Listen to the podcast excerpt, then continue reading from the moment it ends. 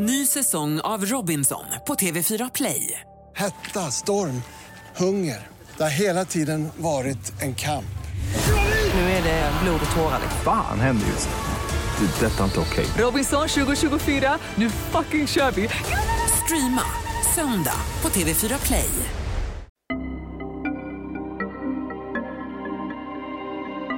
Bakom varje uppklarat brott finns det vardagshjältar, poliser som inte ger upp, som tröskar igenom alla fakta och som till slut kommer fram till sanningen.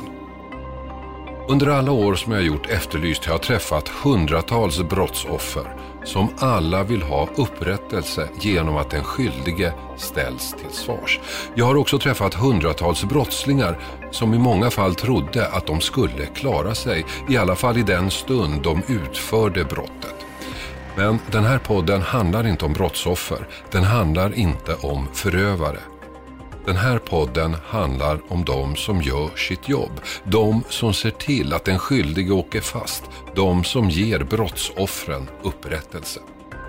Den här podden handlar om utredarna som löste fallen jag aldrig glömmer.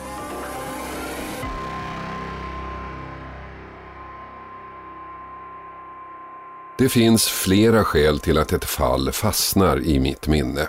Kanske en utredning som tagit ovanligt lång tid men ändå blivit framgångsrik. Eller att gärningsmannen på något utstickande sätt planerat sin gärning. Eller att offret av någon anledning känns närmare, en känd person, ett barn. Eller till och med som vid ett tillfälle någon jag faktiskt träffat. Men oftast beror det på motivet, att anledningen till att någon mördas är så långsökt, så svårbegripligt, så slumpartat eller så trivialt. Mordet på 15-åriga Therese, eller Tess, i Enskede är ett av de morden. De som man helt enkelt inte kan få in i den del av känslosystemet som är någorlunda rationellt. Tess mördades för att hon kysste fel kille. 16-årige Tim som egentligen var ihop med 16-åriga Tove. Det låter lite väl banalt kanske, lite för trivialt, men faktum är att så var det. Tess öde beseglades på valborgsmässoafton 2009 för att hon kysste Tim. Fem veckor senare var hon död och när hon mördades var det ingen slump utan genomtänkt, planerat och medvetet. Varken Tim eller Tess var egentligen inte så intresserade av varandra. Kyssen var en spontan händelse, det bara blev så. Efteråt kände sig Tess lite pinsam. För Tim blev det värre än så. Snacket spred sig och två veckor senare fick hans flickvän Tove reda på det. Då började helvetet för Tim. Han berättade allt i förhören senare. Toves första reaktion är att skalla honom så att en tand går sönder. Sen biter hon honom i armen. Efter det vägrar hon släppa det som hänt. Hon hotar till och med att kasta sig framför tunnelbanetåget. Han går ner på knä och vädjar om att få tillbaka henne. Hon vägrar. På kvällen mässar hon honom. Du är ond allt igenom. Jag kan aldrig mer lita på dig. Han svarar. Jag lovar att jag kan fixa allt. Ge mig bara en chans. Och i allt detta föds planen att döda Tess. Enligt Tim är det Tove som ställer det som ultimatum. Kanske kommer hon på det själv eller så föds tanken av ett mess han skickar. Jag skulle kunna döda för att få tillbaka dig. Utan dig dör jag själv. Efter ett biobesök som de två gör den 22 maj avslöjar Tove sin plan. Therese måste dö. Tim blir förvirrad. Varför skulle det vara det enda sättet att visa att han tyckte om Tove? Men påtryckningarna fortsatte. Ett nytt mess från Tove. Jag klarar inte av att sitta bredvid henne här typ tre säten bort i T-banan. Hon ska dö. Han svarar. Hon ska ju det. Idag. Och hon. Tills du gjort det är du ingenting. Men det blir inte den dagen. Men Tim har en plan. Han ska göra det nästa morgon när Tess ska ta bussen till skolan. Det ska se ut som om han möter henne av en slump.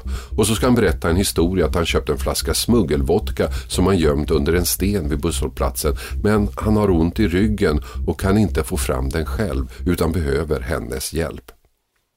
Han mässar Tove.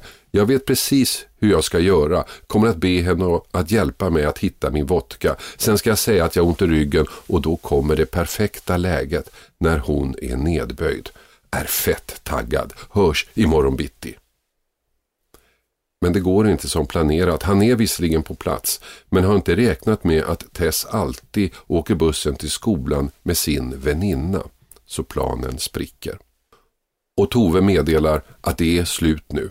Han vädjar och får ett nytt ultimatum. Helgen före festen ska hon och hennes familj åka till Paris. Han får en deadline tills hon kommer hem. Du vet vad du ska göra i helgen, mässar hon. Men han får kalla fötter. Jag orkar inte mer. Jag klarar inte den här pressen att jag måste göra det innan du kommer hem. Hennes svar kommer några timmar senare. Har du gjort det än? Men det blir ingenting den helgen. Men helgen efter uppenbarar sig tillfället. Den 6 juni planerar ungdomarna i Therese skola en avslutningsfest. En mer eller mindre hemlig träff, en sån som man inte berättar för sina föräldrar om. Den ska ske vid Hopparbacken vid Sockenplan på gränsen till Stureby söder om Stockholm. Nära 50 ungdomar samlas, så gott som alla från samma skola, niorna som ska ha avslutning om några dagar. Therese går dit med sina tjejkompisar. De har köpt nya kläder, fixat håret, lagt makeup och också lyckats komma över en flaska vodka och cigaretter. Allt är klart för att fira att vuxenlivet ska börja. Tim känner till festen och hans plan är klar. Om hon är här fixar jag det ikväll, smsar han Tove. Efteråt säger flera av Tims kompisar att han var lite märklig den kvällen, frånvarande på något sätt. Han går runt bland de festande ungdomarna men deltar inte riktigt. Framåt elvasnåret börjar festen ebba ut och det blir snart dags att dra vidare. Tess mässar sin kompis klockan 22.57. Jag kommer strax. Men det gör hon inte. För just då drar hon sig undan för att kissa och Tim ser sin chans. Han följer efter henne tills han tror att ingen ser honom. Sen slår han ner henne med en gren och stryper henne. Det är väl ett tiotal ungdomar kvar på platsen och Tess kompisar börjar bli oroliga. Var är hon? Man delar upp sig och börjar leta. Det tar inte lång tid förrän hon hittas. Då har Tim redan hunnit därifrån. På vägen hem ringer han Tove och berättar. Nu har jag gjort det, dödat henne. För polisen blir det ingen komplicerad utredning, ingen spaning som ska komma att pågå i månader. Redan på morgonen dagen efter dådet väcks både Tim och Tove av polisen, tas in på polisstationen och anhålls. Efter ett tag erkänner Tim vad han har gjort och berättar också om hur Tove förmått honom att göra det. Hon menar att det aldrig var allvar från hennes sida. Hon ville helt enkelt bli av med Tim och gav honom därför en omöjlig uppgift. Att döda Tess, något som hon inte trodde Tim skulle fixa och därför behövde de aldrig ses igen. Men varken tingsrätten eller hovrätten trodde på henne. Tims berättelse tillsammans med smsen visade att allt var på fullt allvar, menade domstolarna. Förundersökningen var på 532 sidor. I den fanns 697 sms och samtal mellan Tim och Tove som också understödde Tims berättelse. Efter att psykundersökningen slagit fast att ingen av dem led av en allvarlig psykisk störning i juridisk mening dömdes de båda till ett år och åtta månader i sluten ungdomsvård. Ett straff så lågt att många reagerade. Praxis är att ungdomar döms till en fjärdedel av det straff som de skulle få som vuxna, vilket i det här fallet skulle motsvara sex år och åtta månaders fängelse. Även det måste betraktas som en väldigt mild dom. Åklagaren yrkade på fyra års ungdomsvård vilket motsvarar 16 års fängelse för en vuxen vilket är normalstraffet för mord. Både Tim och Tove har avtjänat sina straff och är nu ute i samhället och fortsätter sina liv. Något Therese aldrig fick möjlighet att göra. Den som ledde utredningen var kriminalinspektör Sven-Olof Karlsson på Södertörnspolisen.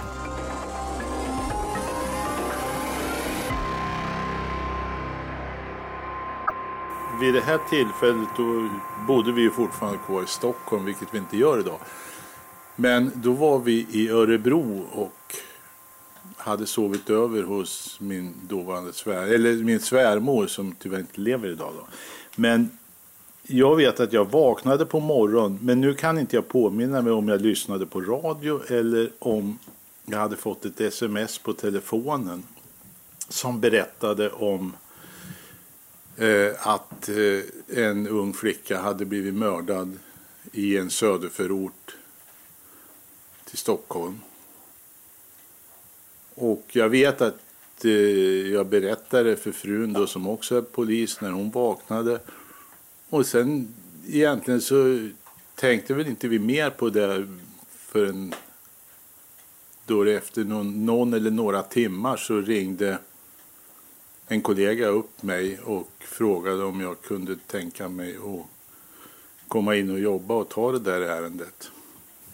Vad fick du reda på i det samtalet?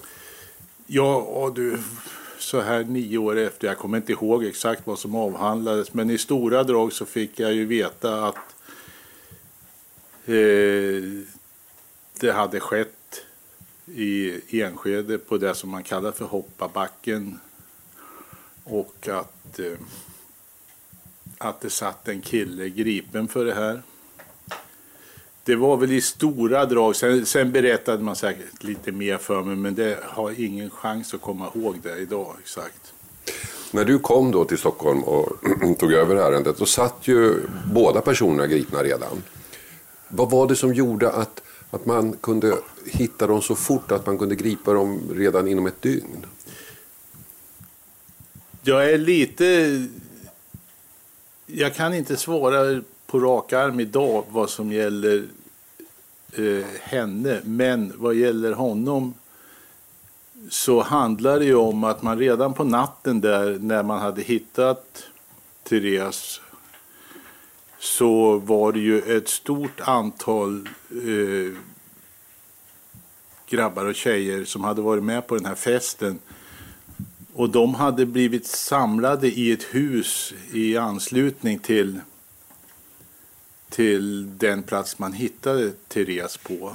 Det var, någon av föräldrarna bodde ganska nära där. Där hade man samlat alla barn och man började ju omgående prata med dem.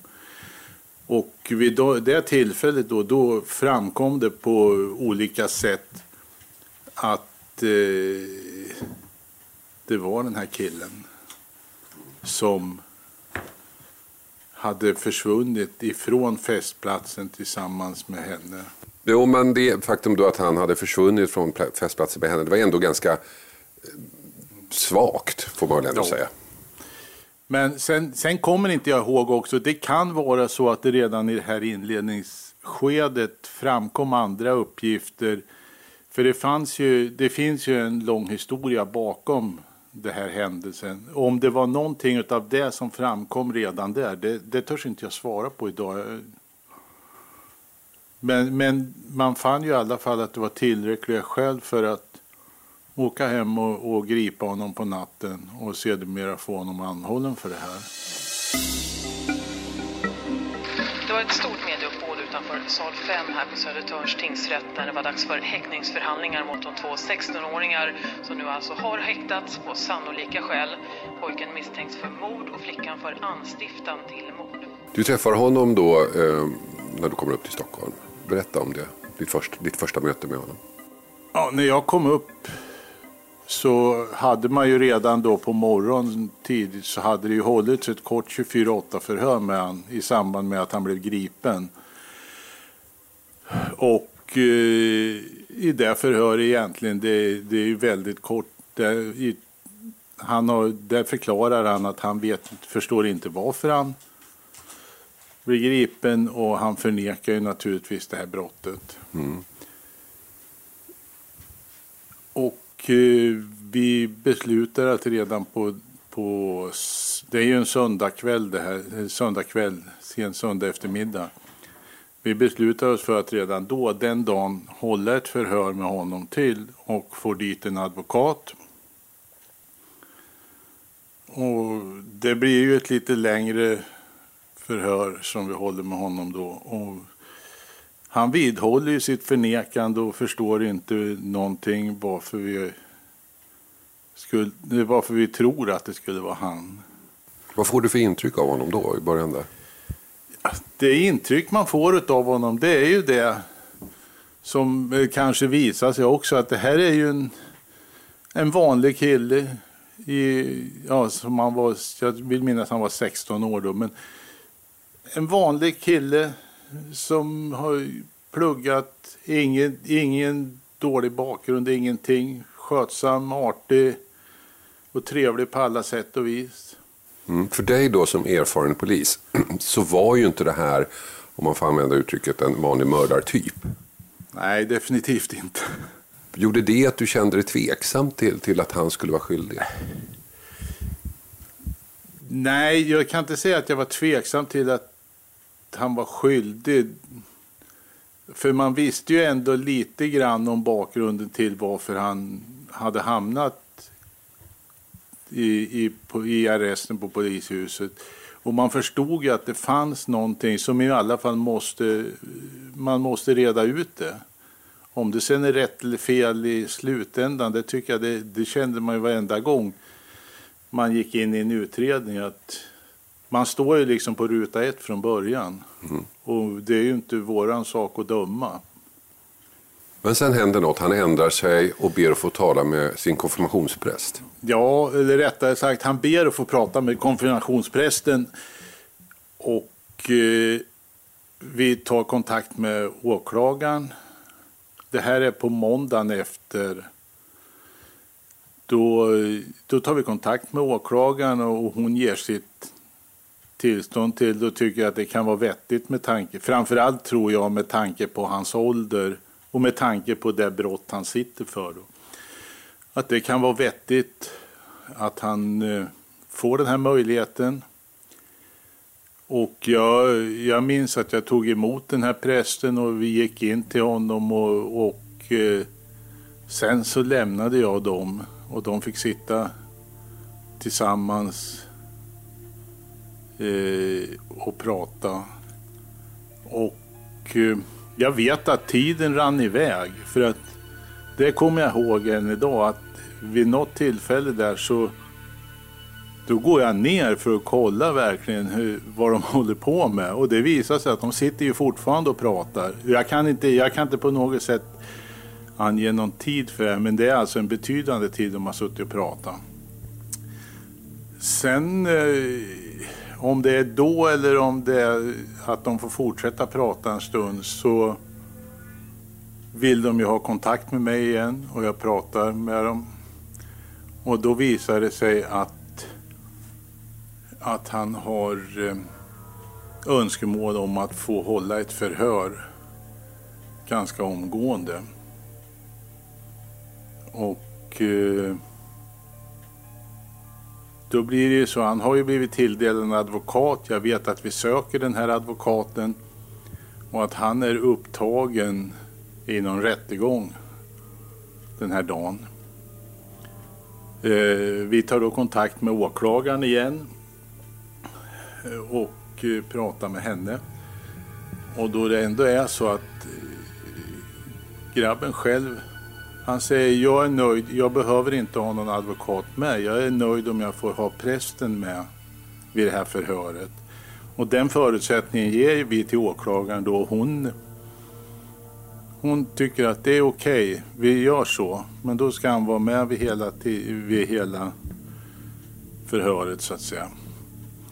Så att eh, redan på måndagskvällen där så inleder vi ett förhör med honom och Eh, det tar inte lång stund förrän han, han förklarar att han har ljugit i tidigare förhör och eh, att han nu vill berätta hur det har gått till. Och det gör han? Ja, det gör han och han berättar väldigt, väldigt ingående. Eh, det blir ett ganska långt jag brukar kalla eller vi säger ju att man skriver, tar dialogförhör när man skriver ut ordagrant. Men alltså det här i stora drag, det här förhöret också, det är vad jag brukar kalla för ett monologförhör när han satte igång och berättade. Och han berättar ingående eh, vad som har hänt. Förutom att man då får gå in med stödfrågor ibland. Och så. Mm. Och då berättar han också bakgrunden till det här och varför han har gjort det här. Ja, i stora drag berättade han det. Det visade sig ju sen att det, det fanns ju betydligt mycket mer att berätta. Men, men eh, huvuddragen vad gäller orsaken till att han gör det, det framkom ju redan i det här första förhöret. Och sen när ni fortsätter utredningen och får ta del av alla sms som har skickats och sådana saker så antar jag att bilden av honom som besatt, den, den stärks. Ja, Eh, besatt, det låter som ett starkt ord när man, när man ser honom framför sig i det här läget. Men eh, jag förstår vad du menar. Och eh, det var ju som någon, jag tror det var advokaten som sa det vid något tillfälle här att, att eh, han levde i en bubbla. Eller de levde i en bubbla ska vi väl säga. Och för honom så fanns det ingenting utanför den här bubblan utan det var, det var han och hon. Och eh, skulle det rasa då, då rasade allt. Och det här att han hade då lovat henne att han skulle döda Tess. Eh, det visade sig att det, det var någonting som, som hade pågått under en tid. Att det här, när han väl gjorde det så var det inte första gången, det var ingen stundens ingivelse utan han hade verkligen bestämt sig. Ja, det, från början så, så han förberedde det ju på så många sätt och han försökte ju även vid ett antal tillfällen att genomföra det men det gick inte. Sen om det blev så att vid det här tillfället då hade han ju en tidspress på sig. Nu, nu måste jag också gardera mig med att säga men jag vill minnas att det var så att att det var en Parisresa och när hon kom tillbaka så skulle, då skulle han ha gjort det, annars så skulle det vara slut. Mm, Hon, blev väldigt, hon var väldigt tydlig på det i de sms hon skickade. Hon, hon var fruktansvärt tydlig på det. det och eh, överhuvudtaget de här sms som hon skickade där hon hela tiden påtalade vad hon tyckte skulle ske för att de skulle vara tillsammans var ju fruktansvärda att läsa. Alltså det, och jag förstår inte för mitt liv än idag egentligen hur, hur han verkligen kan ta till sig de här sms och göra verklighet av det som står där. Mm. Vad sa hon då, när ni konfronterade henne med hans uppgifter om smsen och allting? Henne har jag sämre minnesbild av faktiskt vad hon sa och allting. Men hon, det jag kommer ihåg, och då har man ju en bra bit in i utredningen, så är det ju det att hon, egentligen så var det ju så att hon ville ju separera. Hon hade ju hittat en annan kille.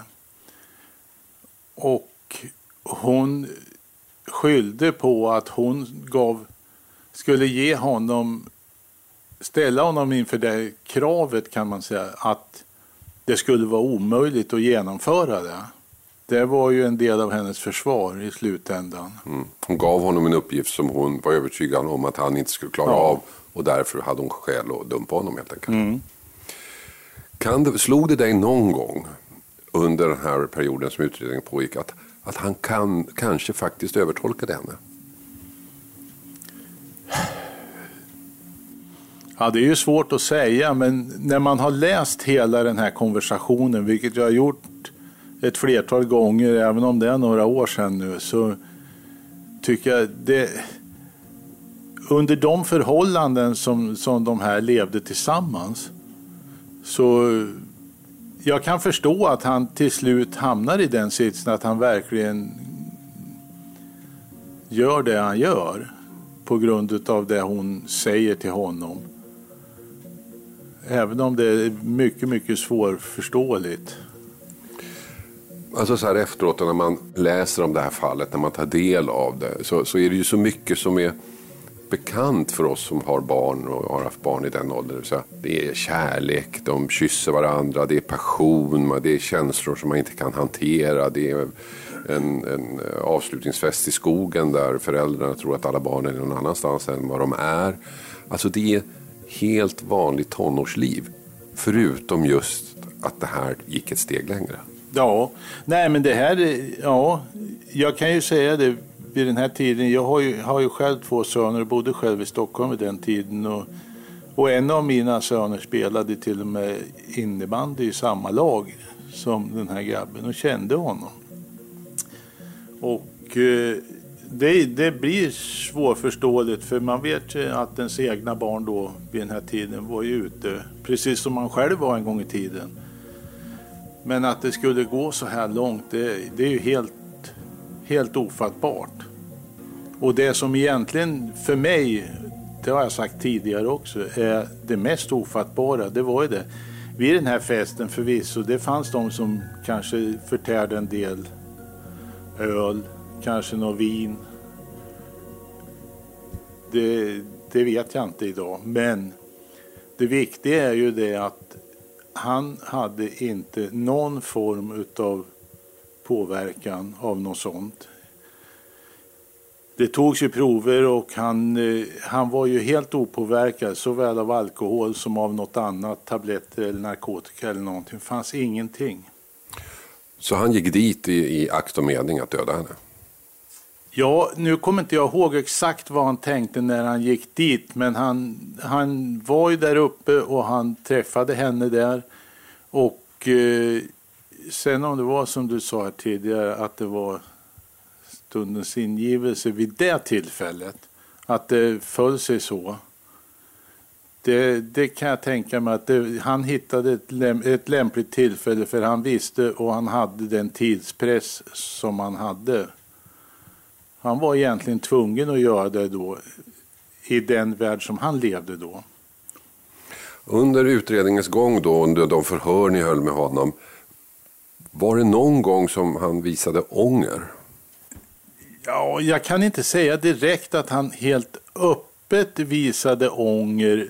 Visst, när han hade erkänt och allting, och det är precis som i, i vilken utredning som helst när det gäller sådana här grova brott, så folk som sitter och ljuger för en, när erkännandet kommer och de kan berätta vad som egentligen har hänt, så då blir det ju det blir ju en annan människa så att säga som man sitter och pratar med. Då. Man ser ju att det lättar ju och, och de reagerar på andra sätt. Man kan reagera i, ja, på många olika sätt. Då.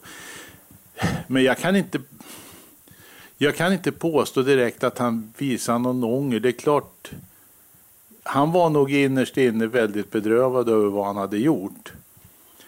Eh, men jag kan inte säga att jag har någon direkt minnesbild av att jag någon gång trodde att han, att han kände ånger för det direkt. Uppgifter från polisutredningarna tyder ju på att det ett triangeldrama med starka känslor där upplösningen är lika tragisk för alla inblandade. Och vad som fick den här 16-åriga flickan att gå eh, och hennes pojkvän att gå över gränsen i morgon, det vet vi ju faktiskt inte. Men den här morgonen så vill vi prata om tonåringars känsloliv i allmänhet. Eh, du har ju jobbat i polis i mer än 20 år, du har jobbat med eh, grova brott, du har sett eh, saker som vi andra helst skulle vilja glömma.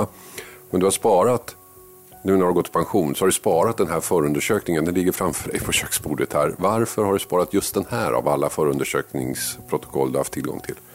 Ja, jag tänkte säga, jag visste att någon skulle höra av sig. Men, eh, nej, men det finns ju ett annat skäl till det. det är att den har, den har hängt med. Det blev något speciellt med den här. Det är som du säger, det har varit väldigt medialt. Jag har förutom att jag har den här hemma så har jag ett antal tidningsurklipp sparade. Och där på grund av, av massmedia vid den här tiden så jag fick ta det beslutet att vi sparade faktiskt bara Dagens Nyheters rapportering om det. Sen läste vi förvisso allt annat men det gick inte att spara allting. Eh, och det har, jag, det har jag sparat också. Och den, den har ju levt med därför att det är den var lite speciell, eller inte så lite egentligen med, med tanke på att det är alltså en, en vanlig, nu ska jag inte säga svensk, men en vanlig kille i 16-årsåldern Eh, välutbildad, han gick ju plugg, hade mycket bra betyg allting.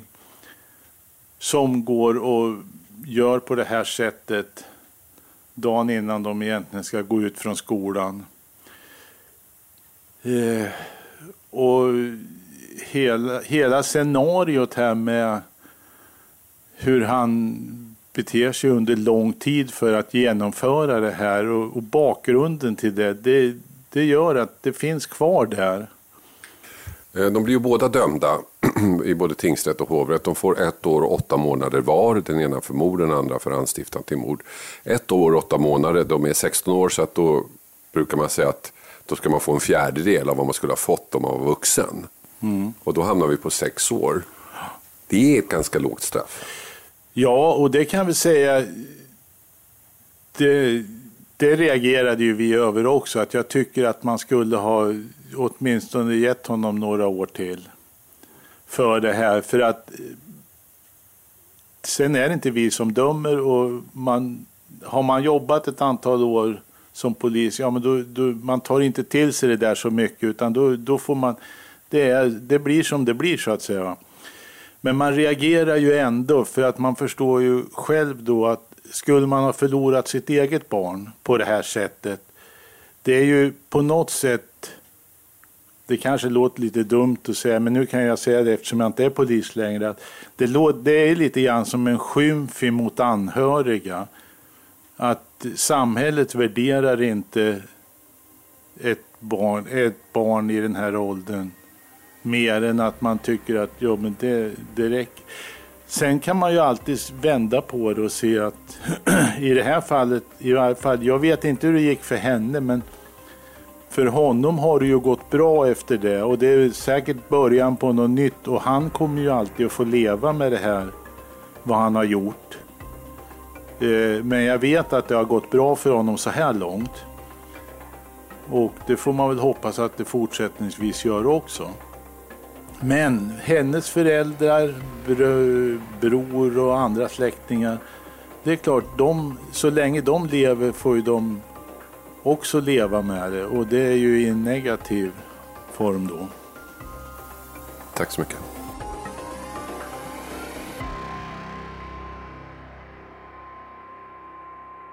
Berätta gärna om fallen jag aldrig glömmer för dina vänner så att fler får chansen att lyssna. Har du förslag på vilka fall du vill att vi ska ta upp eller bara berätta vad du tycker så mejla till fallen at ilikeradio.se. Och jag har några som jag gör den här podden med som jag vill tacka lite extra. Research Gabriella Lahti, ljudsättning Alexander Martyris och exekutiv producent Mattias Arvidsson. Efterlyst och TV3 Dokumentär ser du varje krimtorsdag på TV3 via Free och via Play. Tills nästa vecka, tack för att du lyssnar. Produceras av I Like Radio. I like radio. Nyhetsklippen i det här avsnittet kommer från Sveriges Radio. Ny säsong av Robinson på TV4 Play. Hetta, storm, hunger. Det har hela tiden varit en kamp. Nu är det blod och tårar. Fan händer just det. Det. är Detta inte okej. Okay. Robinson 2024, nu fucking kör vi! Streama söndag på TV4 Play.